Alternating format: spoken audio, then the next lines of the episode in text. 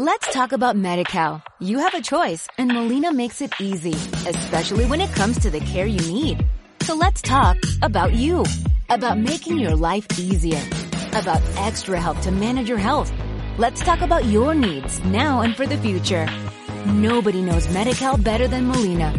It starts with a phone call. Call 866-420-5330 or visit meetmolinaca.com. Let's talk today.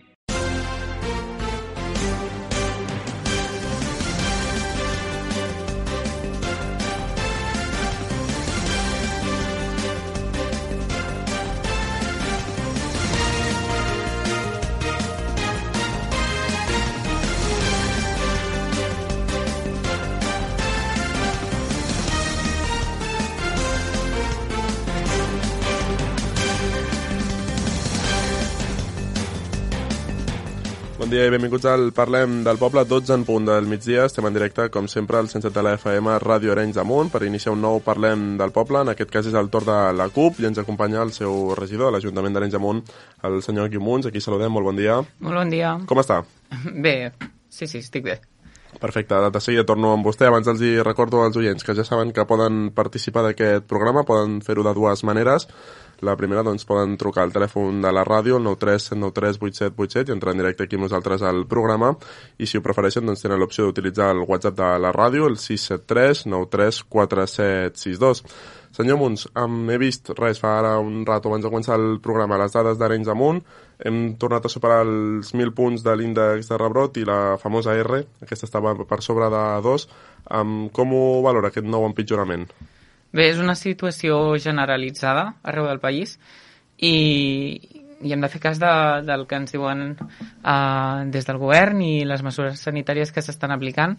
Uh, cal ser conscients que això no s'ha acabat ni amb les vacunes ni, ni amb, amb el pas del temps i el coronavirus segueix aquí, segueix morint molta gent i cal que la gent malgrat uh, la situació econòmica que estem vivint, s'adapti i, i sigui conscient que ens hi va la salut a, a totes plegades. Fa, gairebé ja un any que va començar la pandèmia amb, i un any endavant estem pràcticament, diria que pitjor. Um, creu que és una evidència de que s'han fet malament les coses o que és una situació que és molt difícil de controlar? Bé, és evident que és molt complicat gestionar una pandèmia quan hi ha tants factors eh, que pensen d'un fil. Uh, tenim a, a nivell econòmic hi ha empreses que estan patint, treballadores que es queden sense feina, totes uh, aquelles ajudes socials que no arriben perquè al final el govern de Catalunya té les competències que té i tenim els diners que tenim, igual des de l'estat espanyol, que sembla que la bossa de diners per ajudar a les persones no és aquella que necessitaríem, i, i s'han posat en evidència tots aquells errors del passat amb retallades eh, en, en temes de sanitat i, mm. i altres. Llavors, eh, és, és una situació molt complexa, però malgrat tot eh, s'està intentant fer el millor possible, vull pensar. Vull pensar que no és eh, una batalla entre Junts per Catalunya i Esquerra eh, a nivell de conselleries i, i vull pensar que s'està fent cas de, del que diuen els experts en el tema. Volia preguntar-li sobre això precisament, una, una pandèmia que ha fet que les eleccions continuïn en peu, tot i així, no, no, en principi no hi ha aquest ajornament de les eleccions. Um, creu que és una bona decisió? Nosaltres des de la CUP sempre hem dit que uh, les, les eleccions s'han de fer amb les mesures que garanteixin que les persones que hagin d'anar a votar i les persones que estiguin a les meses uh, no tinguin un risc per la seva salut. I veiem que, com diuen els experts, la corba no para de pujar i estarem en un pic el 14 de febrer. Per això nosaltres plantejàvem, eh, conjuntament amb la resta de partits, que s'ajornessin aquestes eleccions. Que després els tribunals espanyols decideixin, eh, per altres motius, que hem de mantenir-les el 14 de febrer, em sembla bastant descabellat, sobretot perquè perquè després patirem aquestes conseqüències, igual que hem vist que quan ens hem eh, relaxat una mica, com va ser el cas del Nadal o altres, mm. O altres casos, eh, després la, la corba empitjora i, i les UCIs estan que, que acabarem un confin en un confinament domiciliari una altra vegada i això l'economia de les petites i mitjanes empreses i de les treballadores normals de peu no ho podrà suportar. Considera per això que aquest no ajornament de les eleccions beneficia alguna de les parts polítiques? Creu que pot haver algun, algun punt d'interès perquè al final no s'acabin ajornant? Home, jo crec que és evident que des del Partit Socialista eh, creuen que el seu moment és ara i no d'aquí uns mesos quan s'hagi desgastat la figura del seu candidat. Eh, haver dit que ens posaven el ministre de Sanitat com a cap de llista del PSC eh, els hi va donar molts punts per la gestió que s'estava fent, per, eh, a nivell de les forces unionistes és una figura bastant conservadora que, que els hi pot semblar interessant i, i això eh, a nivell polític eh, jo crec que els hi va a favor per un 14F i no per un, unes eleccions al maig. Comentava ara també vostè aquestes restriccions que sempre hem, a tots els programes d'aquí sempre hem parlat de que és molt difícil no? trobar l'equilibri entre el que és la, la salut sí. de les persones i després l'economia. Um, tot i així, creu que al final s'ha aconseguit equilibrar o hi ha més perjudicis per alguna de les dues parts? Bé, jo, jo no sóc expert, llavors l'únic que puc fer és opinar des del meu punt de vista. Uh, hi ha mesures com per exemple les de restauració en què no hi estic d'acord tal i com estan. Crec que s'haurien pogut fer d'altres maneres o altres tipus de mesures, per exemple els gimnasos, etc.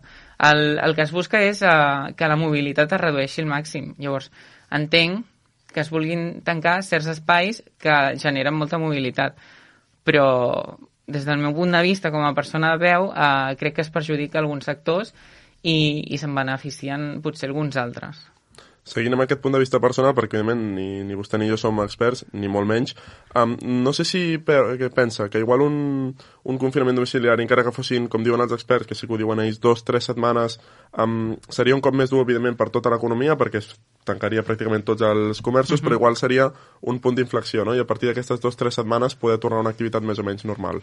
Sí, jo això sí que ho, ho he comentat amb altres persones, que aquest confinament l'haurien d'haver fet durant el Nadal, mm. que està les tres setmanes que les escoles estan tancades per Nadal, que, sigués un, que hagués estat un confinament, uh, i això ens hauria ajudat a reduir uh, aquesta corba, que no para de pujar, i que al final eh, estem abocats a aquestes mesures que, que ara comentaves, que a, a les escoles, almenys, ens arriben per una banda o una altra que aviat ve el confinament i cada setmana estem parlant d'això, perquè tornem a estar confinant molts grups i tornem a tenir molt, molts nanos eh, malalts, ja sigui per això o per altres coses, i això genera eh, una tensió a nivell social i a nivell d'escoles que, que acabarà abocant-nos en, en haver-nos de plantejar seriosament almenys fer una semipresencialitat a les escoles o un confinament total a, arreu. De fet, si no m'equivoco, vostè és professor. Sí. Com ha viscut aquest retorn a les escoles? Bé, nosaltres estàvem una mica preocupats per com haurien passat el Nadal a, als nanos, sobretot tenint en compte que, que hi havia unes mesures que eren certament a vegades complicades d'interpretar i, i el que estem veient és que sí, que, que ahir de 17 nanos de la meva tutoria només n'hi havia 10, perquè la resta estaven malalts per símptomes diversos mm. i, i tots han hagut de fer PCRs i estem esperant resultats. Llavors nosaltres també veiem que, que és una pressió que posem a, als nens de, a, recordeu rentar-vos les mans, mascareta, etc. I, i al final això dura, durant, uh, durant el Nadal, que s'han vist els nanos pel carrer, etc no, no ho hem respectat de la mateixa manera i ara tornem a estar una mica com estàvem al setembre. Clar, és, és el que hem pensat també aquí més d'una un, vegada. Se suposa que aquest eh, retorn ara al gener es va produir en una situació pitjor que el mes de setembre i eh, es va produir, vull dir, el protocol era el mateix. No sé si pensa que s'hauria d'haver modificat, igual pues, endarrerir una mica el retorn a les escoles o fer-ho d'una manera diferent. Clar, nosaltres estàvem bastant convençuts que ja no tornaríem. Estàvem convençuts que que realment al gener el començaríem des de casa o que almenys se'ns aplicarien unes mesures semipresencials perquè no tots els nanos anessin a, a l'institut, almenys, parlant de secundària. De l'escola no dubtem que, que és l'últim que es tancarà. Mm. Uh, és complicat, és complicat perquè el conseller Bargalló vol unes coses, a nivell de partit se'n volen unes altres, i hi ha direccions que veuen que el seu espai és super segur, que és impossible que hi passi res, i som altres centres on veiem que, malgrat totes les mesures que podem aplicar, són nanos i no els podem controlar fins a, fins a l'últim detall. Llavors se'ns escapen coses, per més que rentem mans o estiguem tot el dia atents a que es fugin la mascareta, eh, hi ha risc de contagi, és evident. Clar, no? i sobretot perquè en, el, en les escoles sí que es poden mantenir les distàncies, la mascareta, el, el rentat de mans, però clar, mm, a l'escola ja estan 5 hores, per dir, Sí. per dir alguna cosa. Clar, després a la tarda eh, doncs queden amb els seus amics, llavors és molt més difícil controlar-ho. Sí, sí, sí. Clar, nosaltres podem estar molt atents al que facin a l'escola, més que res per evitar que ens contagin a nosaltres o es contagin entre ells, amb els grups que no es veuen. Però després, a, a la tarda, fan extraescolars i a vegades es barregen, malgrat les mesures siguin unes, o queden per fer deures o per veure's, i llavors allà les mascaretes no hi són presents. Mm. Seguint amb el tema d'educació, aprofito ja, ho dic perquè vostè com és professor, um, en el cas que es tornés a produir un altre confi eh, confinament domiciliari i el curs s'hagués d'acabar de la mateixa manera que es va acabar el curs passat, fins a quin punt pot afectar això, el, diguem que en, el, en els nanos mm. i en els joves? Clar, ara estem molt més preparats que quan va passar tot plegat, perquè quan va passar tot plegat eren pocs centres escolars que estàvem adaptats a, a treballar de manera telemàtica o, o almenys a que l'alumnat sapigués utilitzar eines digitals de manera correcta. Ara sí que es va intentar que totes les escoles eh, tinguin la seva plataforma digital, ja sigui. Classroom, Moodle, on l'alumnat se sàpiga moure, però tenim molt gran part de l'alumnat que no disposa de, de, de tablets o ordinadors, per exemple, tot i que el govern es va comprometre que arribarien, encara no han arribat. I, I crec que seria molt pitjor acabar el curs confinats que no pas que el confinament fos a, a la meitat de curs. Perquè el que ens hem trobat, i això ho comento amb companys eh, de diversos centres escolars, és que ens han pujat un alumnat que se li nota que, que li falta un curs. Jo eh, Sí. ara estic a primer d'ESO i sembla que estiguem a sisè de primària. I no només jo, sinó tots els nanos es nota que els hi falta aquest punt de maduratiu i, a més a més, de, dels coneixements que s'han perdut. Perquè es va fer una mica correcuita, eh, com podíem, i a més a més hi va haver tot aquest mm, bueno, problema de que passaven tots els alumnes de curs, malgrat hagués estat uh, un alumne que ho hagués aprovat tot els primers trimestres o un alumne que ho hagués suspès tot i passava de curs. Mm. Uh, I això també perjudica aquest alumnat que ha passat, ha passat de curs i no té una base que, que, que hauria pogut repetir de curs i, i se n'hauria sortit millor. Clar, suposo que també, a mesura que et fas més gran, és més fàcil, no? Em, ser més autònom i controlar-te tu les Sí. tasques i tal. Quan ets més petit, 12, 13 anys, 10, els que siguin, no? Necessites més un seguiment, no? Exacte. I sobretot amb els petits, eh, poder tenir una rutina diària a casa, mm. si no hi ha uns pares molt implicats, eh, dispositius per l'alumnat i, i tot plegat, per més que el professor enviï tasques eh, per correu electrònic o es digui tal dia farem videotrucades per fer classes, eh, fa, fa falta que hi hagi una persona adulta que acompanyi aquest alumne o alumne eh, més petit Mm. a, a desenvolupar-se. En tot cas, veurem eh, com avança la situació. Canviem de qüestió, parlem de pediatria, també una problemàtica que en els últims mesos ha tingut protagonisme aquí, sobretot a Arenys Amunt. Um, hi ha una reunió convocada pel dia 27, en què en teoria hi assistiran les forces de l'oposició i aniran vostès? Um, ara, ara no ho sé segur, Mm. perquè hi havia... Crec que el 27 és el dia que treballo a la tarda i ho vam Mm. estar mirant i al final, com que una persona que és representant de pares molts cops participa a l'assemblea i tenim una comunicació fluida, Mm. vam dir que ja ens sentíem representats per aquesta persona i perquè, a més a més, és una reunió que en principi només hi havia d'assistir l'alcalde i Sí. regidora de Sanitat. I nosaltres ja confiem en ells que ens representin. Uh, només seríem allà per escoltar, però qui ha de dir la, qui ha de posar la veu serien l'alcalde i, i les veïnes que s'han organitzat per reclamar que no ens treguin el servei de pediatria. Sí, és una problemàtica que no sé si ha passat més alguna vegada amb una altra qüestió, però sí que heu anat tots a la una, no? Tots els grups municipals, Sí, sí. eh, suposo perquè com que és tan evident que és una problemàtica que ens afecta a tots, um, no d'haver colors polítics, no? No, no, evidentment. No, en molts, molts altres casos hem anat a la una. Ah, Quan hi va haver el confinament, Mm. totes les subvencions que es van gestionar ho van fer des de... Bé, amb tots els grups polítics ens van reunir amb l'alcalde i les vam anar tirant endavant, modificant els textos. No, no és la primera vegada que treballem plegats, però és que el tema aquest de pediatria és, és molt greu Mm. i és molt evident que com més eh, població té Arenys amunt, eh, més serveis ens treuen, sembla Sí. ser. Uh, jo era petit i érem 5.000 habitants i teníem pediatria. I ara ens diuen que no som prou uh, habitants per tenir aquest servei. A més a més, amb el futur d'Arenys Amunt, on es desenvoluparan diverses àrees, i augmentarà la població considerablement. Posem el suposat que vostè assistís a la reunió, ja, dic que no, però po- posem el, el fet. Amb què els hi diria a vostès, els representants de salut? Bé, que, que pensin més a, amb les persones i menys amb, amb el, el, el nivell de departament eh, de sanitat, de on volen gastar i on no.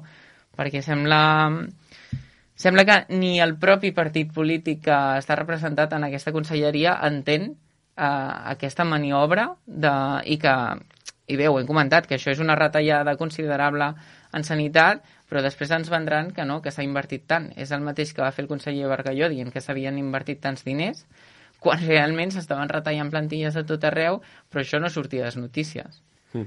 Per què creu que han, fet, han pres aquesta decisió? Perquè, de fet, l'alcalde de- d'aquí d'Arenys Amunt ha dit que si fos un problema econòmic, eh, des d'aquí es posen més recursos i es soluciona.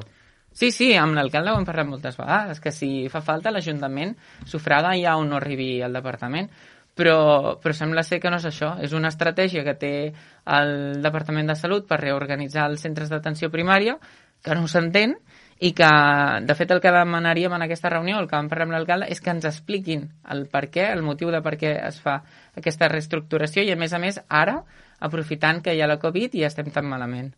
Confia en que pugui haver el retorn del servei a, través d'aquesta reunió? Uh, diuen que l'esperança és el, el que no s'ha de perdre Sí. mai, però, però ho veig molt pelut, perquè si ni el propi senyor alcalde ni el govern, que és del mateix partit polític, ha aconseguit un pas enrere, uh, tinc els meus dubtes.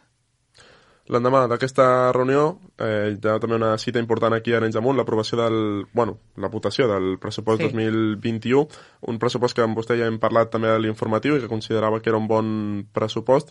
Um, de quina manera l'ha treballat la CUP amb el govern? Bé, nosaltres ens vam esperar a, a que l'alcalde ens el presentés, sí que havíem fet propostes durant tot l'any, hem anat fent propostes de coses que es poden incloure en el pressupost a través de pregs i, i preguntes o en reunions informals amb l'alcalde. Um, I eh, llavors vam anar al Consell de Poble on es va explicar el pressupost i vam sentir les propostes que va fer la gent. Llavors vam considerar que era oportú reunir-nos amb l'alcalde per expressar-li tot allò que nosaltres creiem que es podia modificar o que es podia incloure i per preguntar-li dubtes. Mm. Si més no, quan mires un pressupost és molt complicat perquè veus moltes partides, noms eh, que són molt tècnics i xifres de diners. A més, a més el pressupost sí que és, és molt positiu que ara s'inclou eh, la despesa, bé, el que estava pressupostat als anys anteriors, Mm. que això fa molt de temps ho vam demanar des de la CUP. Llavors podem tenir aquesta comparativa de què, quines partides pugen, quines baixen i a més a més l'alcalde fa l'esforç de dir-nos la quantitat exacta. Llavors, um, vam preguntar dubtes perquè ja hi havia partides que no en teníem o, o no sabíem per què es feia aquesta decisió, per què es prenia aquesta decisió política. Llavors, com vam dir l'informatiu, vam traslladar un seguit de propostes eh, que en la majoria l'alcalde les va veure en positiu i, i sobretot propostes en el sentit de, de que les persones d'Arenys Amunt puguin entendre el que es fa a Arenys Amunt.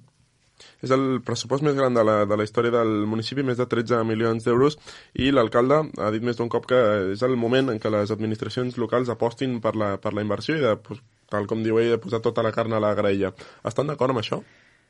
Jo crec que, que anem en bon camí, sobretot veient que des de Madrid se'ns volia prendre tots els romanents que teníem i, i perquè en, gràcies a aquesta estratègia econòmica hem aconseguit engrandir el pressupost a, a fins a aquests 13 milions d'euros, quasi bé. Uh, jo crec que la decisió política que està prenent en, en Josep Sánchez, l'alcalde, és força encertada pel moment que vivim i sobretot per la necessitat que té Arenys Amunt de que s'inverteixi en, en carrers i, i projectes grans com seria la futura residència o les urbanitzacions que tants anys feia que estaven oblidades. Ara entrem en detall, eh? seguim, perquè tenim una primera trucada del dia. Bon dia, amb qui parlem? Amb en Xavier Uller. Bon dia, digui'ns. Mira, per preguntar a en Guiu si està amb les seves prioritats el, tema de la residència, que ara en acaba de parlar, Sí. perquè sembla ser que per l'Ajuntament només la prioritat és fer un projecte i prou. Sí? Ja està? Vale, doncs gràcies. Res. Adéu. Adéu, bon dia. Doncs sí, justament acabava de mencionar vostè la residència. Sí. Um, és prioritària per la CUP? Sí, nosaltres en campanya ho dèiem, que Arenys de Munt té moltes prioritats i una d'elles era la residència per la gent gran.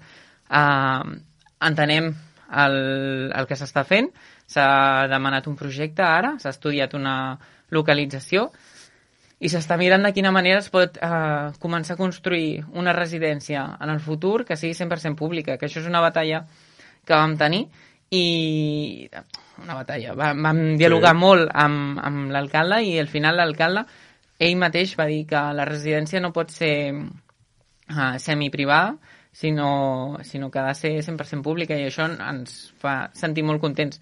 El que nosaltres defensem des de la CUP és que sigui un projecte que, que prevegui una futura ampliació de residència. Si ara es poden fer només 40 places, doncs que es faci de 40 places i en el futur que es pugui ampliar que, que l'edifici estigui pensat i preparat per ampliar-se. Si se'n poden fer 70, doncs se'n faran 70, però cal mirar molt, molt bé com es farà aquesta residència. Uh, és evident que primer hi ha un projecte i s'ha d'estudiar molt bé. Hi ha, hi ha hagut una, un primer projecte, em sembla ser, i ara s'està detallant de aquest, aquest primer projecte que, que ens fa tot un seguit de propostes de com es podria fer, s'està eh, s'ha demanat un altre projecte per ja posar una mica fil a l'agulla i ordenar com ha de ser la residència d'Arenys Amunt, definint-la molt millor. Um, des de la CUP la prioritat era la residència, entre altres coses. Nosaltres dèiem que la Riera es podia esperar, Mm. Dèiem que el centre cívic es podia alentir i destinar els esforços en altres eh, serveis eh, que sembla ser que estaven una mica saturats, com era aquest, com era redimensionar acció social, que això s'està fent, o, o posar eh, fil a l'agulla amb el cap per, per intentar doncs, que les usuàries tinguessin el millor servei de qualitat. Per tant, es podria dir no, que igual um, eh, tant govern com CUP sí que coincideixen en que la residència és necessària per Arenys Amunt, però potser vostès la posaven més a dalt, no?, en la llista de, en aquest llistat de prioritats. Sí, de, sí, per nosaltres sí. Nosaltres hauríem començat a, amb la residència una mica abans i hauríem intentat buscar que els recursos eh, de la, per construir-la, perquè actualment tampoc sabem com la pagarem. L'alcalde ja està donant moltes voltes a com es podrà pagar. És un projecte que val molts milions. Uh, nosaltres hauríem començat per uh, dir, no posem els, aquests diners ara a acabar la riera, s'ha d'acabar, és evident, no la podem deixar feta uh, mitja de sorra, mitja com està, però, però bé, al final sembla ser que Esquerra està apostant per la residència. Des del Consell de Poble s'ha pressionat molt perquè sigui així i estem molt contents de que al final eh, no ens quedi eh, el 2030 i pico, sinó Mm. que ens queda eh, bastant ben a prop. Què és exactament el que reflecteix per això en el pressupost en referència a la, a la residència? Ah, el projecte. Sí, la redacció del projecte. Sí, sí, la redacció del projecte. Que s'ha de licitar, suposo. Exacte. De- S'haurà de licitar un cop estigui presentat i, i suposo que aquest projecte també eh, s'explicarà al Consell de Poble i, es, i des del Consell de Poble es podran fer aportacions per modificar-lo. Sí, diríem que és com el primer pas, no?, de, de, tot Sí, el, de sí, tota sí, sí. la construcció fins que acabi, no?, fins Estem que posi molt a- l'última pedra, estem Exacte. tot just al principi. Estem molt, molt al principi, però bé, les coses s'han de fer pensant amb el cap i, i amb paciència. Nosaltres voldríem ja demà inaugurar-la, però Mm. no pot ser així.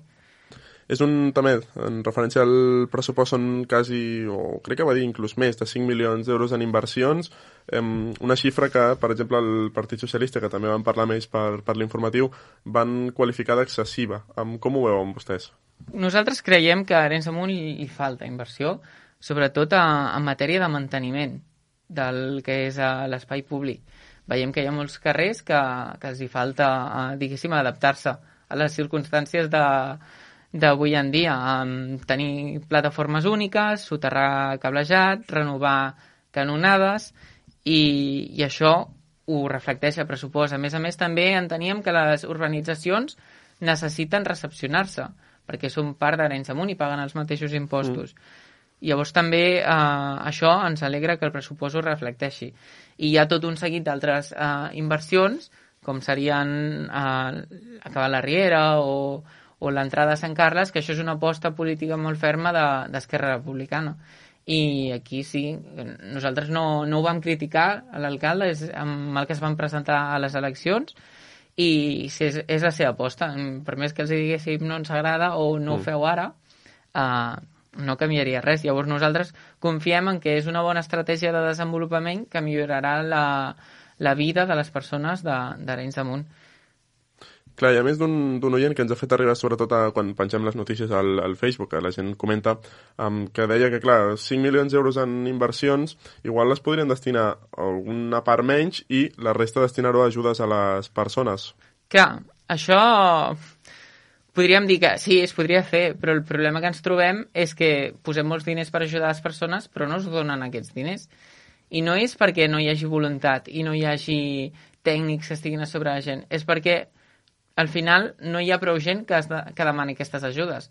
Tot i que sí que hi ha gent que ho necessita i les demana, mm. uh, hi ha unes bases d'execució, la majoria de persones que demanen aquestes ajudes les poden rebre, o se les ajuda d'altres maneres des d'acció social, però per més que poséssim 5 milions d'euros en ajuda a persones, això eh, al final quedaria com a romanent perquè no s'haurien pogut repartir aquests diners. També són unes ajudes que tarden molt en arribar. De fet, aquí, tant l'alcalde com, com tothom s'ha queixat sí. de que, que, que és desesperadament lent el, el tràmit.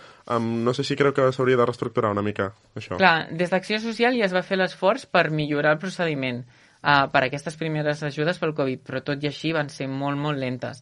Per sort hi ha una tècnica municipal que va estar molt a sobre de les persones perquè no es desencantessin durant aquest procés de sol·licitud i que tothom al final pogués, uh, amb, amb els seus coneixements, pogués fer uh, totes aquestes sol·licituds.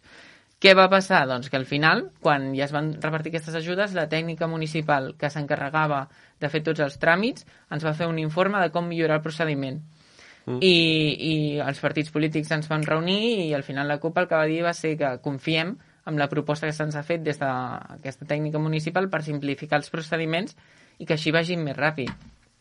El que sí és veritat, a Acció Social és una àrea d'Ajuntament que sempre ha anat molt saturada, que el tema de subvencions sembla que costa molt de tramitar i són moltes hores, i per sort la plantilla ha augmentat, i, i s'estan destinant esforços en simplificar tràmits o gestionar segons quines ajudes des d'altres àrees per tal de, de que les persones no s'hagin d'esperar per poder rebre aquests diners que els fan falta.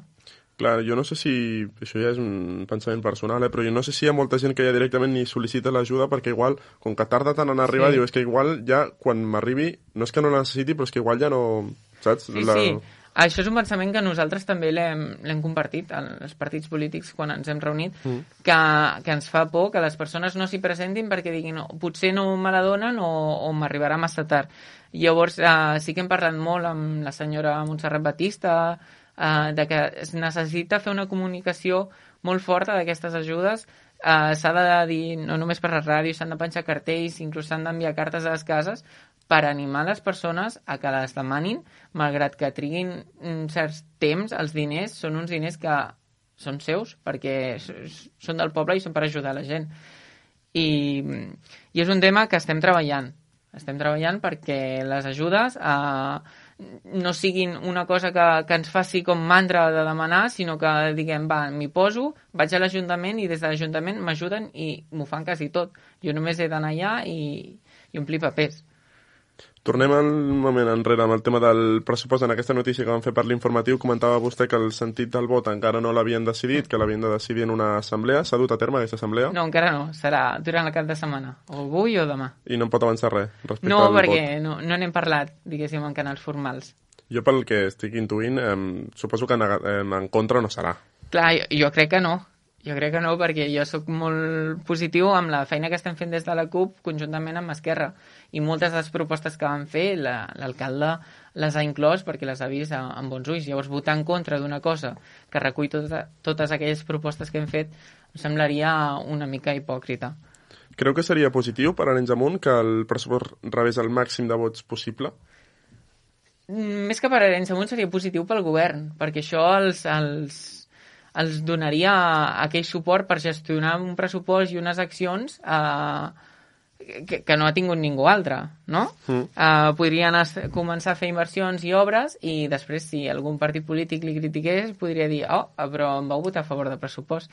Llavors, eh, Arenys de Munt, al final, necessita pressupost aprovat i amb el govern ja està aprovat.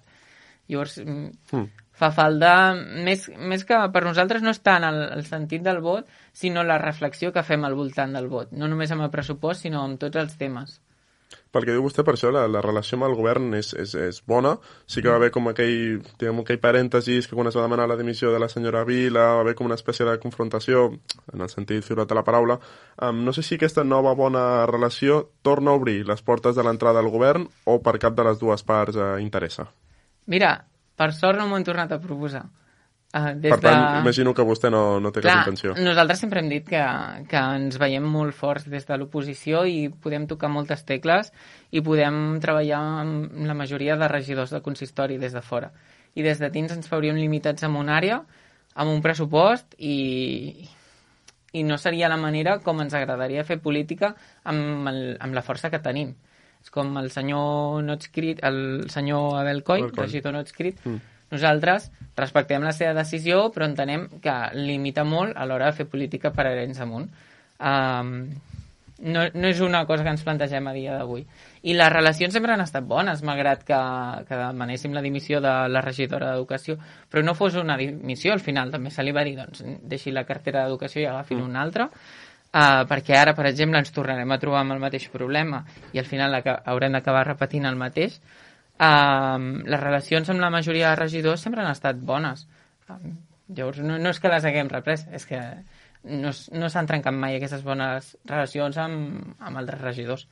Deia ara aquesta problemàtica es tornarà a repetir de les preinscripcions, mmm, que jo sàpiga no s'ha treballat res al respecte, no? Clar, clar és, és, el, és el problema que hi veiem, no? Que hi va haver un Consell d'Educació posterior a tot el a tot l'embolic, diguem-ho així, on al final la gent es va tirar els, els plats pel cap, es van culpar uns als altres i no va sortir cap proposta. Es va acordar que es tornarien a reunir i no hem vist que això s'hagi produït, almenys jo com a regidor no tinc informació de que s'hagi produït aquesta reunió amb, amb totes les parts. Nosaltres entenem que per solucionar l'embolic no és només una cosa de les dues direccions de les escoles i la regidoria d'educació, sinó que també hi ha les, fam les famílies implicades i les persones d'Arenys de Munt han d'estar al corrent. Ara seguim parlant d'aquesta qüestió, abans tenem una nova trucada. Bon dia, amb qui parlem? Hola, bon dia. Uh, soc en Pere Marpons. Digui, senyor Marpons. Bueno, sí que s'han dit algunes coses aquí que són molt interessants mm. i que estic totalment d'acord. Per mi la residència seria un punt d'aquests a tirar endavant com més ràpidament possible. Però l'equip de govern, que en aquest moment té set regidors, eh, i el possiblement té sis, perquè hi va haver una incorporació d'un altre regidor que va, va canviar de partit, i per tant tenen majoria. Vull dir que poden aprovar tot el que vulguin. Pressupostos, com el que vulguin, no? Eh, projectes, tot el que li faci falta. Mm. Però sembla que aquest equip de govern doncs, té centrat el cap amb, eh, amb la rotonda, amb el centre cívic, amb la riera, i que per no fer res faran un avantprojecte de la residència, el que vol dir que passem molts anys d'aquesta manera. I com ha dit el senyor Munts, jo també penso que hi ha altres coses que es podien esperar. Si li un tros de sorra durant dos o tres anys més no passa res centre cívic, mentre es faci la rotonda del capdavall, és que és enviar plenari perquè s'ha d'entrar per un carrer estret, que quan surts tens direcció prohibida amunt avall. Per tant, aquest centre cívic per anar-hi molta gent no és pas que sigui un lloc molt adequat per anar-hi. En canvi, hi ha el, tant com si, si creguéssim l'obsessió d'acabar primer això que no pas l'altre. Per tant, estic molt d'acord amb el que ha fet abans, el G, i amb el que he dit fins a aquest moment, doncs, el, el CUP, no? Llavors, una altra cosa, mm. del tema, del tema de les eleccions i així, hi ha sí. un partit que li interessa moltíssim que es facin, això està claríssim. Però també hem de tenir en compte que ha arribat aquesta situació perquè el senyor Torra no va voler, no va voler convocar les eleccions. Va anar a veure el senyor Puigdemont, van acordar que no era el moment perquè ell estava representant el partit i no li interessava de moment que els fessin, van retrasar, va esperar en Torra que els suspenguessin, que així va ser una espècie de màstir, una espècie d'allò de, de company, una cosa així, no? però sense matar-lo, mm. i d'aquesta forma hem arribat a aquesta situació. Per tant, els partits independentistes tenen molt a veure en que s'hagi passat el que ha passat. En especial es fa el que no va voler que es fessin, que dit que és Junts per Catalunya, amb el senyor Torra de president i el senyor Puigdemont a l'exili.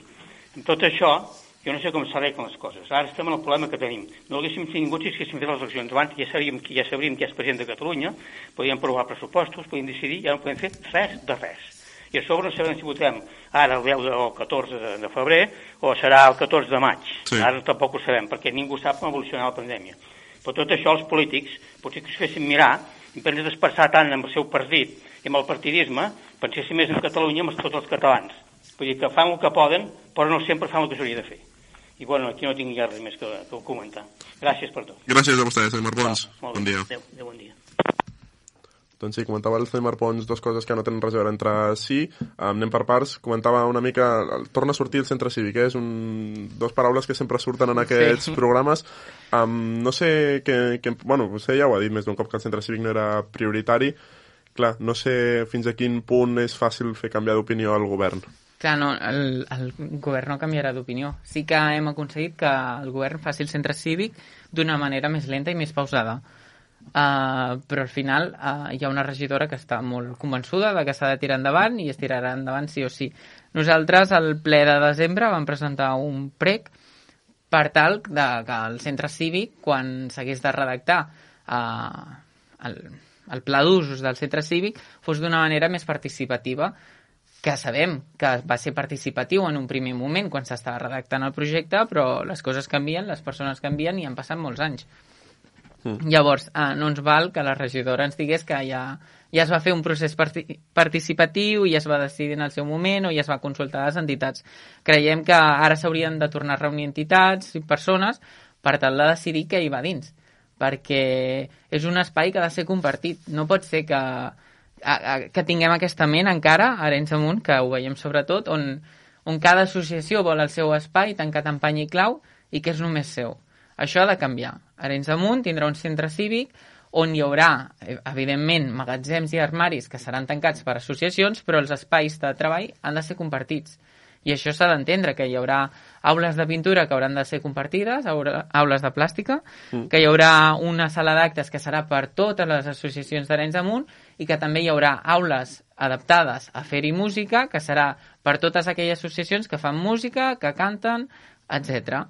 Llavors, eh, cal, des de la CUP pensem que cal que comencem a treballar molt bé amb les associacions, perquè sàpiguen i entenguin que seran espais compartits de treball i de col·laboració i que no serà allò que teníem abans de que cadascú té el seu espai i, i allà es queda. Que no és un, un centre cívic que es construeix per unes associacions. I això també és el que ha fet que el centre cívic no sigui desitjat. Mm. Perquè les associacions, algunes han vist, ah, mira, aquesta tindrà un espai nou i superadaptat a les seves necessitats i nosaltres no. Cal que s'entengui des de tota la població que el centre cívic és per tothom igual i que tothom en podrà fer ús i que no s'haurà de pagar per utilitzar-lo. Mm. Perquè seria, seria horrorós dir que hi ha unes sales de reunió però que s'han de pagar. Tothom que necessiti un espai de treball o de reunió hi ha de poder anar. I això és el que des de la CUP demanem de trobar-nos, poder-ho parlar i anar, anar creant consciència de la, de la necessitat del centre cívic, per una banda, perquè ara no se sent que és necessari, i de, i de com s'utilitzarà aquest. Perquè si inaugurem demà un centre cívic tal i com estem avui en dia, tindrem un munt de conflictes que ens sortiran sobre la taula i que s'hauran de gestionar. Llavors creiem que prèviament fa falta un treball de diàleg i de, i de compartir eh, i de fer una presa de decisions conjunta entre totes les associacions que segur que l'utilitzaran i entre persones que també hi podran anar i, i utilitzar aquests espais. Per tant, troben que igual el major problema d'aquest centre cívic és la manca de comunicació per part del govern, perquè jo eh, recordo que a vegades ens ha trucat gent que directament eh, diu que no sap ni per què servirà directament. Exacte. Sí, el, el fet de no haver explicat, el, haver explicat el projecte abans de començar-lo a construir. Nosaltres tenim un centre cívic que quasi està construït, però que la gent del, del carrer no sap què hi anirà dins ni per què, servi, per què servirà. I això és el que nosaltres demanàvem al nostre prec, de, de poder compartir la decisió de què hi va dins, que al final hi podrà anar tothom, però que tothom sàpiga que l'espai és compartit i que s'hi podran fer totes aquestes activitats perquè hi ha tots aquests espais. Um, sí que ens va compartir la regidora de Cultura que hi haurà, uh, o hi havia prevista una, uh, una jornada a portes obertes, sí que no s'ha pogut fer per les circumstàncies, però creiem que abans d'això hem de poder començar-ne a parlar eh, en consells de poble i en espais molt diversos. Abans de continuar, em arriba un WhatsApp de la senyora Montse Roig que diu bon migdia, Guiu, bona explicació, tota la força. No sé exactament en relació a quin tema diu-lo de la bona explicació, però bueno, li, li fa saber el seu, el seu suport. Gràcies. Em comentaven també el senyor Marc Pons el tema de les eleccions, que ell deia que ja era pues, un tema que ja s'havia fet malament des de sí. temps enrere, no? No, i té raó. Jo no vull entrar, a mi no m'agrada entrar en aquests temes de nacional, perquè hi ha molts interessos polítics al darrere i jo no estic posat en altres temes de nacional, des de la CUP eh, els meus esforços es destinen al poble i altres persones de l'assemblea que sí que treballen amb la campanya i que estan posats amb les eleccions des de l'agost o, o el juny de l'any passat, però és evident, és evident, hi ha, hi ha pressions de partits polítics, hi ha pressions de persones que estan a l'òrbita de certs partits, d'empreses, i, i això passa factura al final als catalans i les catalanes que, que, que depenem d'aquesta gent i d'aquestes decisions que prenen i el problema és que es prenguin més amb, per un factor personal que no per un factor col·lectiu. En qualsevol cas, veurem què passa amb les eleccions, perquè sí que és veritat que fa dos dies el Tribunal de Superior de Justícia de Catalunya ratificava la data del 14 de febrer, però també obria les portes de que igual una setmana abans de les eleccions mm. les podia ajornar. Per tant, jo no sé, clar, fins a quin punt pot també això, aquest descontrol a la gent, mm, dir directament que ja dire... sí. no té ni ganes d'anar a votar. És no? que això ens crea diversos problemes. Per una banda, aquest desencantament de la població per anar a votar, que seria terrible perquè no legitimaria eh, els resultats d'aquestes eleccions, una participació molt baixa. Venim de diverses eh, eleccions on la participació és molt alta i això eh, ens ajuda eh, a legi legitimitzar tota aquella acció o aquesta, aquella estratègia que realitza el govern i els partits polítics i per altra banda eh, la despesa que suposaria cancel·lar les eleccions eh, quan estiguessin a mitja punt de campanya, fer sí. Mitja campanya, no? Sí. Evidentment. uh, seria terrible. A part de, de, de que tindríem una campanya electoral al final de tres mesos o quatre i això uh, desencantaria a tothom. Perquè mm, si la campanya electoral ja es fa cansada per la gent del carrer de sentir anuncis, de veure pancartes durant els 15 dies que dura, imagina tres mesos on només parlaríem d'això a tot arreu. Sí, la baixa participació pot ser històrica, perquè es pot sumar tant la gent que ja de per si no va votar, Sí. com la gent que té por a anar a votar, perquè hi ha molta gent Exacte. que, el- que el coronavirus li fa Sí, pànic sí. i és totalment respectable. Més, a sobre, aquest, diguem, desencantament, eh, podem estar parlant d'una participació històrica a la baixa. Sí, sí, i seria terrible i ens hauríem de plantejar si realment busquem això o no. Que s'han de fer les eleccions sí o sí, però s'han de fer eh, garantint que la gent podrà anar a votar amb totes les mesures de seguretat i, i que no, no acabarem marejant la perdiu d'aquesta manera eh, fent que les persones al final diguin que, que ja passen, perquè a més a més també venim d'aquest recorregut no, de, de si citem el- l'ANC, d'ara és l'hora, mm. del via lliure, d'ara sí que sí, que al final ja en fent conya, això també ha de, desgastat una gran part dels votants i, i al final mm, ja no ens creiem el que ens diuen. Mm. I és molt important que almenys eh, un instrument de poder que tenim per poder triar els nostres representants polítics, malgrat no ens creiem el sistema polític, en fem ús. Hi ha molta gent que es va partir la cara perquè poguessin votar. Uh, hi, ha, hi ha hagut moltes dones que han mort perquè el vot femení fos possible. Mm. I quedar-nos a casa i no votar aquest dia seria, seria mm, si més no, mm, un problema social molt gran durant els següents quatre anys. Unes votacions que, a més a més, es durien a terme en els pavellons aquí a Arenys de Munt. Encara Sí. dificulta més l'accés no? en el pavelló, perquè no és el mateix anar a votar aquí al Exacte. centre del poble que anar... Sí. Clar, Sí, se sí. suma tot i pot ser Sí, dramàtic. sí, hi ha un munt de factors que, que ens van a la contra, és evident. Votar al costat de casa o al centre, on t'hi pots desplaçar amb més facilitats que per segons quines persones amb mobilitat reduïda o per edat els costa anar a, a pavellons que estan allunyats del poble, eh, serà molt complicat. Serà una jornada d'eleccions molt complicada i haurem de vetllar des de tots els partits polítics i totes les persones del carrer perquè sigui una jornada on no hi hagi ningú que vulgui votar i, i s'hagi de quedar a casa. Canviem de qüestió. Coneixíem fa al voltant d'una setmana que també estava reflectit en el PAM que ja va presentar l'Ajuntament aquesta intenció de canviar les dependències de la policia a la zona industrial, concretament a l'espai jove. Mm. Um, què en pensen? Clar, això és una decisió que ens va sorprendre perquè era una proposta política de, de Junts per Catalunya, que ho tenien molt clar, que si guanyaven farien això. I ens va sorprendre que l'alcalde al final s'hi avingués. Bé, eh, nosaltres la reflexió que vam fer amb l'alcalde va ser que, que per les persones no és el mateix anar fins a, a l'escorxador que aquí a Can Matalí, que està al centre del poble. Llavors el que sí que vam acordar era això, no? que es mantindria l'atenció al públic a Can Matalí. Entenem que, que és una manera de donar-hi ús a l'espai de l'escorxador, sobretot sabent que l'espai jove es traslladarà al centre cívic, Uh -huh. pel qual tornem al centre cívic i vam demanar que fos un espai jove adaptat a les necessitats del jovent d'Arenys Amunt, que feia falta preguntar i anar a mirar molts espais cívics que incloguessin un espai jove. Ai, molts centres cívics que incloguessin un espai jove, Sí. perquè no és el mateix. Uh, uh, posem allà l'espai jove i, i mira, que facin ús del centre cívic, però hi ha un, una sèrie de necessitats que tenen, que aquí l'escorxador no acaben de, de funcionar, pel que veiem, sí que hi assisteixen moltes persones, però hi ha molts joves d'Arenys Amunt que no s'acosten a escorxador, ja sigui perquè els queda lluny o perquè bé, és una zona que d'adolescents mm, potser els pares no confien en que vagin a una zona tan llunyana d'Arenys Amunt, més ara que és fosc i és hivern. Sabem que, que si hi ha la policia allà, potser eh, la criminalitat que, que en parlen diversos partits polítics, sobretot a aquestes zones una mica més allunyades d'Arenys Amunt, pot ser que baixi, perquè la presència sola de la policia al costat de la zona industrial pot eh, frenar aquests temes.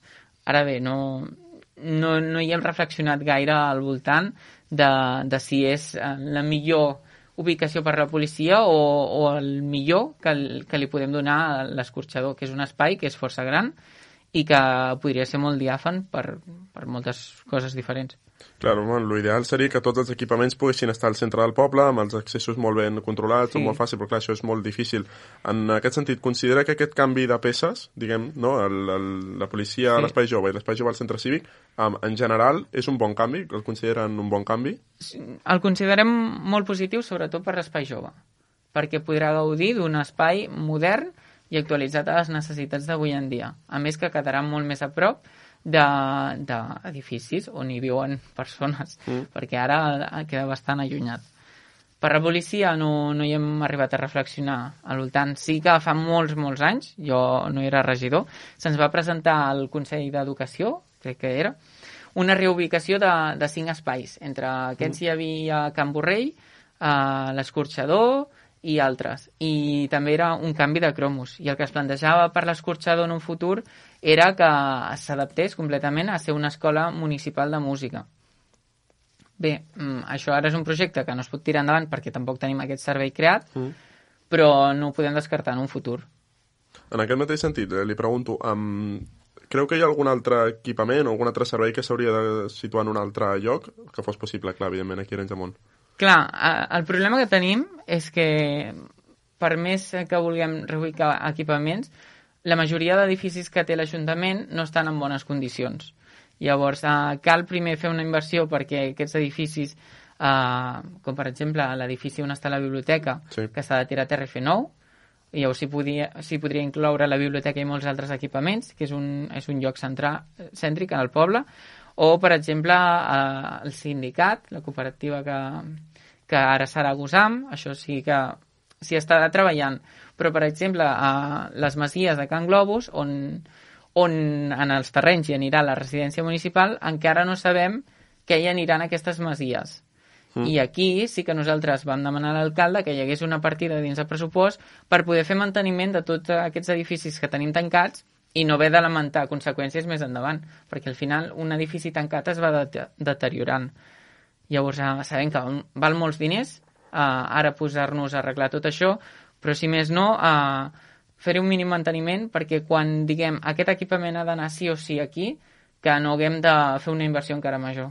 Quina va ser la resposta de l'alcalde en aquesta proposta? Sí, ho va, ho va veure en positiu. Va veure en positiu tot això i ens va explicar alguna estratègia que tenia per algun, equipa, ai, algun edifici com el sindicat, Mm. que s'hi han de fer algunes petites obres de millora perquè, perquè està, està en desús i llavors sembla ser que si es fan certes obres sí que es podria aprofitar l'espai per a algunes activitats. Eh, llavors eh, em sembla positiu que, que ho tingués en compte. Un altre tema que volia tractar. Coneixem aquesta setmana que el govern, no sé si li ha arribat a vostè o també s'ha enterat per la ràdio, que més d'un cop va dir que les coses se les Sí. ha enterat per aquí per la ràdio. Sí. Em coneixíem la intenció del govern de parlar amb l'oposició a l'hora de tractar aquesta mm, regulació de l'ordenança de vehicles de mobilitat Mm. Um, és així? Els hi ha comunicat directament ja? Sí, sí. Uh, és un tema que anaven demanant, sobretot des de Junts per Catalunya, demanava molt el tema patinets elèctrics. Sí. Uh, se'ns va fer arribar l'ordenança, jo la vam revisar, Eh, crec que se'ns va fer arribar al desembre, inclús. Mm. La vam revisar i ens semblava correcta, sobretot tenint en compte que era una ordenança que havia treballat molt el nou cap de policia. Llavors, uh, nosaltres confiem en els tècnics municipals que tenim, confiem en la formació que té i l'experiència i llavors mm, no vam voler fer cap proposta de millora perquè creiem que s'adequava la, a la situació d'Arenys Amunt i a les necessitats que tenim. Però estan d'acord que és un tema que s'ha de regular, no? Perquè és evident que s'ha Sí. anat incrementant cada vegada més l'ús d'aquests aquests vehicles Sí, i sí. pot, si no es regula pot inclús arribar a ser perillós, no suposo? Exacte, perillós per les persones que condueixen i pels vianants. Mm. Llavors, eh, sobretot aquí al centre del poble, que és certament una mica estret, algunes voreres, o, o veiem que alguns conductors van sense casc. Llavors, a, a unes velocitats que pot arribar el patinet elèctric, creiem que, que feia falta. La setmana passada tenim el Caldia aquí a la ràdio i va haver un moment en què van estar trucant molta gent i coincidien amb que es queixaven tant d'una mica de la neteja del poble com també de, dels arbres que no estaven ben cuidats i també va tornar a sortir una cosa que és típica dia a dia amb les papereres. Al poble la Sí. gent demana més papereres, la intenció del govern és retirar-les, per tant és, mm, hi ha contradicció entre, entre les dues parts. Um, com ho veuen vostès, el tema sobretot de la neteja del poble? Això van ser temes que també va, vam parlar amb en Josep. Uh, per una banda, les papereres, nosaltres estem d'acord que els fons d'emergència siguin els justos i necessaris, perquè la recollida selectiva arriba a la major part del municipi. Llavors, mm. tots aquells disseminats sí que tindran accés a àrees d'emergència per poder tirar la seva brossa. Uh, a nivell de papereres pel carrer, sí que vam comentar amb l'alcalde que potser feia falta incloure'n algunes, perquè hi ha alguns carrers que n'hi ha poques, i vam parlar del tema de, de la gent que en fa un mal ús, d'aquelles persones que llencen les seves escombraries en papereres així. Uh, llavors, l'alcalde ens va comunicar que ho havia parlat amb altres municipis on uh, s'havien fet algunes inversions que des de la CUP havien plantejat a veure si es podien fer, com era posar tapes a les papereres perquè es poguessin tirar només aquelles deixalles que hi quedessin, que mm. no una gran bossa grossa Sí. Però el que s'ha vist a altres municipis és que llavors la gent deixa la, les escombraries al costat de, de la paperera. Llavors és un treball que s'ha d'enfocar molt uh, de, de ser pesat. És que al final només ens queda això des d'Ajuntament, ser pesats amb que les persones reciclin correctament i tirin la brossa el dia que toca i, i de que les àrees d'emergència són per emergència, són perquè eh, hem marxat tres dies fora, se'ns ha acumulat el plàstic i no podem aguantar ja mm, dos bosses de plàstic a casa perquè tenim les d'aquella setmana i les d'aquesta. I perquè sigui, eh, no l'he pogut llançar. O per les persones que treballen de nit i, i no l'han pogut llançar. Mm. Llavors, eh, això per una banda. El tema de, dels arbres. Eh, amb l'alcalde ho vam parlar perquè més a pressupost i entra la poda dels arbres, de, de certs arbres. Sí. La poda dels arbres mm, s'ha de fer en una època determinada i encara no ha arribat aquesta època. Ara sí. Llavors, hi ha, hi ha hagut la licitació i, i s'ha d'acabar de licitar el servei i se, al febrer es podaran els arbres que ho necessitin, mm. perquè no, pod no pot ser que podem arbres perquè ens molesten. Uh, això sí que ho ha d'entendre la gent, que per més ombra que em faci una branca o perquè més que em molesti, no ho podarem, perquè els, els arbres necessiten un manteniment molt específic. I, i les fulles, si cauen, doncs sap greu, han caigut tota la vida, Sí. ja s'escombra i no fa cap mal que hi hagi fulles al terra. Llavors, per més que la gent digui que això fa brut, que hi pot haver aquesta sensació, a mi, em, personalment, potser penso que fa més sensació de brut ara que hi ha asfalt que abans que hi havia sorra. Mm. Són fulles i, i ja han estat tota la vida No, i i, els arbres sent. en tenen, vull dir, això sí és, inevitable. I llavors, uh, pel tema de neteja, és que es neteja molt aquí Arenys Amunt. El problema és la gent que embruta. Mm. Perquè també tinc queixes de veïns i veïnes que em diuen és que passen a les 7 del matí a netejar per davant de casa meva. Ja, és que, és que al final és el que hem de fer per no molestar la gent que, que va pel poble, però és que s'està netejant moltíssim, s'està dimensionant la brigada perquè se segueixi netejant. Però el tema és que la gent sigui conscient que aquella frase del carrer no és de ningú és falsa. El carrer és de tothom i per això l'hem de cuidar entre tots. I si veiem que hi ha un paper terra, doncs jo he collit papers, diguem friqui, he collit un paper i l'he tirat a paperera. No costa res que entre tots ens cuidem de, del nostre poble, igual que les nostres àvies feien escombrar la vorera davant de casa seva. Ara no es fa, doncs em, tinguem paciència. Si jo no escombro davant de casa meva, no he d'esperar que l'Ajuntament me'l vingui a escombrar i queixar-me fins que no ho faci. No som clients de l'Ajuntament. Hem d'entendre això. Aquesta mm, política que s'ha fet sempre de jo em queixo i l'Ajuntament m'ho dona perquè sóc un client i jo pago els meus impostos, ha de canviar. L'Ajuntament és una eina que ens ha de servir totes les persones del poble per millorar els serveis i per millorar la col·lectivitat del poble. No perquè jo necessito una cosa personalment i això m'ho ha de donar l'Ajuntament. És una visió que a poc a poc hem d'anar trencant. Comentava ara aquest fet, no? per exemple, que la gent tira, no sé, papers a terra i també enllaçar-ho amb la gent que tira la, les escombraries on no toca i recicla malament. Um, de quina manera creu que es soluciona? Clar, eh, això ja hem donat moltes voltes amb el regidor de Medi Ambient, en Jordi. Mm. Uh, sobretot uh, n'han parlat persones uh, amb, amb en Jordi, persona, conec un noi que es diu Daniel, que és uh, uh, biòleg, que hi ha treballat bastant aquesta, aquest tema amb en Jordi, i al final no hi ha una solució a, a aquesta panacea, a, que sigui una panacea, sinó que és treballar-ho a poc a poc amb la gent i aquestes campanyes, per exemple, que hem realitzat de no recollir la brossa, mm. que potser podien escandalitzar molt, al final han servit, perquè s'està reciclant més i millor. Sí. Llavors, eh, potser sí que ens feien falta aquestes mesures de xoc. Des de la CUP van proposar també que augmentés algun dia la recollida de potser de plàstic o s'intercanviés el rebuig pel, pel paper i cartró, perquè potser molta gent diu, ah, mira, és dissabte, doncs tiro tot allò que tinc acumulat. Són coses que anem treballant a, amb, amb el regidor a, de Medi Ambient mm. i que, a més a més, estem pensant de cara al nou plec de clàusules per licitar el servei de recollida selectiva. Totes aquelles millores que podem incloure, inclús, a, per exemple, la recollida de trastos vells, que també era un servei que estava molt saturat, també hi estem treballant i vam parlar amb l'alcalde per tal de que millores aquesta recollida perquè no pot ser que truquis i et diguin que trigaran dos mesos a venir-te a recollir un, un trasto. Sí. O que, a més a més, estigui molt limitat i et diguin, ui, no, et recolliré la rentadora, però ja no, no puc uh, carregar res pes per pes. Llavors, són un seguit de millores que anem fent a poc a poc, anem treballant, anem mirant altres municipis com ho fan, perquè cada municipi és un món, mm. i, i la gent d'Arenys Amunt també ha anat canviant molt amb el pas dels anys. Llavors ens hem d'adaptar a tota, tota aquesta nova, mm, diguéssim, problemàtica per tal de posar fil a l'agulla a solucionar una mica eh, pensant en qui viu Arenys Amunt i en com necessita aquest servei.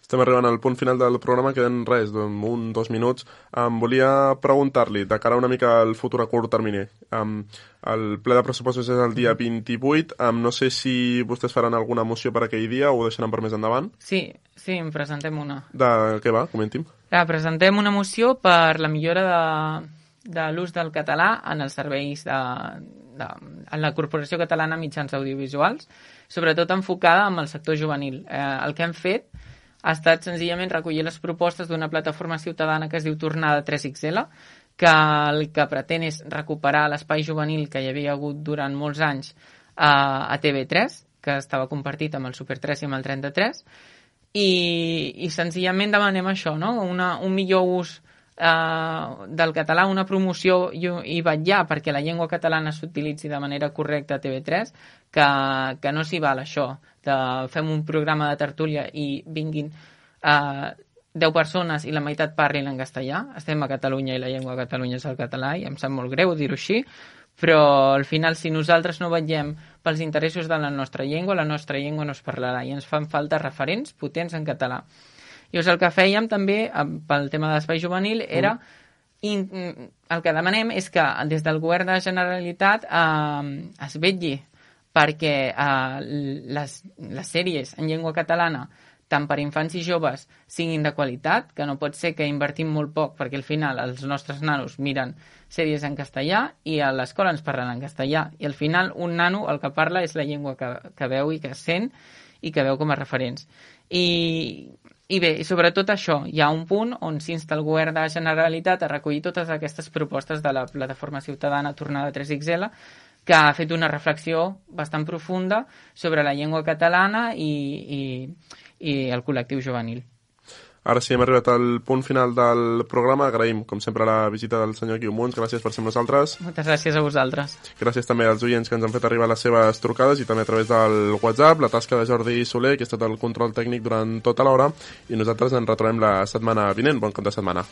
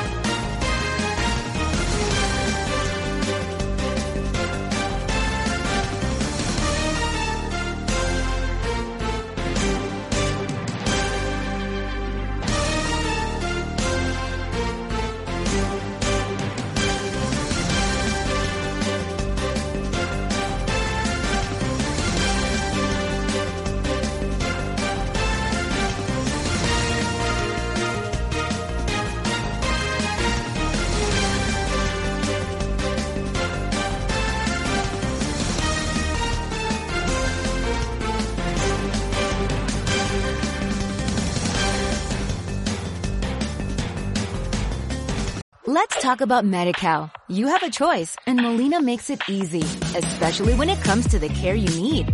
So let's talk about you, about making your life easier, about extra help to manage your health. Let's talk about your needs now and for the future. Nobody knows MediCal better than Molina. It starts with a phone call. Call 866-420-5330 or visit meetmolinaca.com. Let's talk today.